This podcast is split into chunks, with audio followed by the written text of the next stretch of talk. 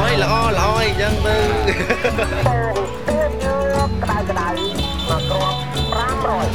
Het is ochtend in het avondland. Een podcast van Chris Janssens. Aflevering 4 over een schone deugd en een lange beproeving. Angkor Wat, de eeuwenoude trots van dit land, kleurt langzaam goudgeel in het romig zachte lentelicht. Ooit stonden hier drommen mensen te wachten op de zonsopgang en zag je meer smartphones dan tempelstenen. Nu wandel ik alleen langs de majestueuze toegangsweg die van west naar oost loopt, het ochtendgloren tegemoet. Een fotograaf doet mij stoppen en kijkt me verwonderd aan, alsof hij een oude vriend is die ik na jaren opnieuw ontmoet, maar die ik met de beste wil van de wereld niet kan thuisbrengen. Dan begrijp ik zijn verbazing. Ik ben de eerste Barang-buitenlander die hij in een lange tijd voorbij ziet komen. De toeristen en expats zijn vertrokken bij het begin van de pandemie. En wie achtergebleven is, heeft het tempelcomplex onderhand al wel gezien. De Barang zijn terug, roept hij. Niet zozeer tegen mij, maar meer tegen de hemel, als om de goden te bedanken. En dan, met zijn blik weer op mij gericht, vraagt hij: Waar zijn de anderen? Bel ze! Ik slaag er niet in om uit te leggen dat ik de nummers van de andere barang niet meteen in mijn telefoon heb. En dat ze in elk geval nog even op zich zullen laten wachten. Een verhaal over oranje zones, geschrapte vluchten en PCR-testen. Om zijn ontgoocheling compleet te maken, weiger ik ook nog eens om mij door deze brave man te laten fotograferen. Voor je het weet sta je in de typische klemmerpositie het hoofd een kwartslag gedraaid ten opzichte van de romp, terwijl je hand losjes op je broekriem rust. Hij laat je in de lens kijken met een koninklijke blik die past bij de statige tempels op de achtergrond. Maar met mijn nomade bestaan heb ik weinig aan een ingelijst portret. Ik heb al twee jaar geen vaste verblijfplaats meer, laat staan een muur om zo'n gouden kader aan op te hangen. Het voorval is wel typisch voor dit land. Hoewel de wereld de voorbije twee jaar drastisch veranderd is, blijven de Cambodjanen doen wat ze altijd al deden. Je kan dat oneindige geduld verklaren met het boeddhisme, in alle omstandigheden zen blijven. Maar ook werklust en ijver zijn eigenschappen die aan de volgelingen van Boeddha worden toegeschreven. Dus met religie kan je alles uitleggen. De rode khmer wordt soms ook genoemd als verklaring.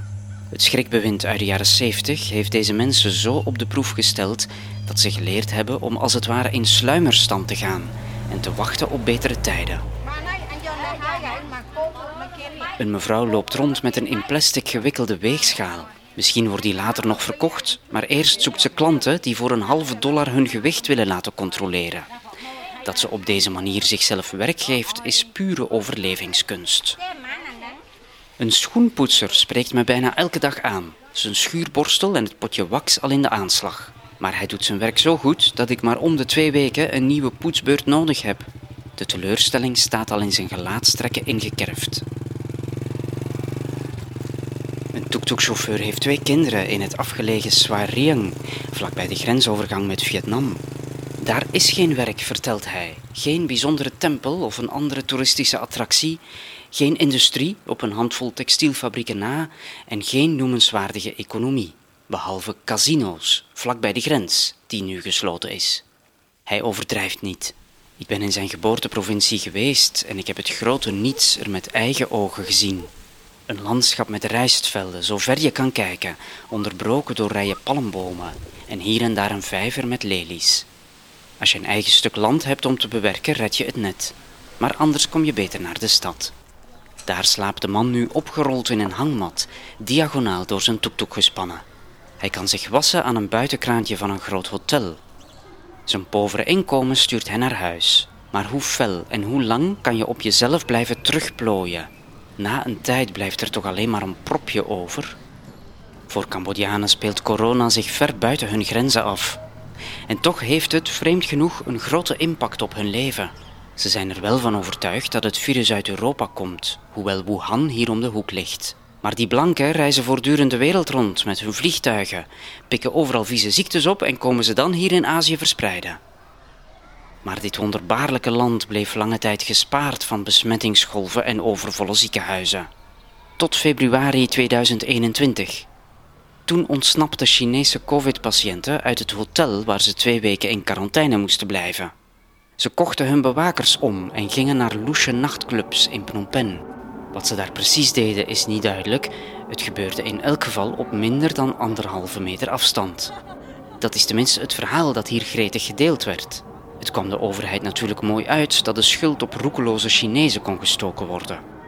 Het aantal positieve gevallen, tot dan toe minder dan 100, kon sinds dat fameuze incident snel stijgen. Een kleine tien maanden lang werden we ook hier geplaagd met avondklokken en lockdowns. Toen, in november 21, leek de premier er genoeg van te hebben en besliste hij zonder overlegcomité dat we het ergste wel gehad hadden. Voortaan zou het volstaan om handen te wassen en op straat mondmaskers te dragen. Klaar. Een dictatuur heeft zo zijn voordelen, af en toe. Sindsdien wachten de Cambodjanen de terugkeer van de barang af, geduldig als een spin in een voorlopig roerloos web. Vind je deze podcast leuk? Abonneer je dan via Spotify en klik op de bel om elke woensdag een bericht te krijgen als er een nieuwe aflevering online komt.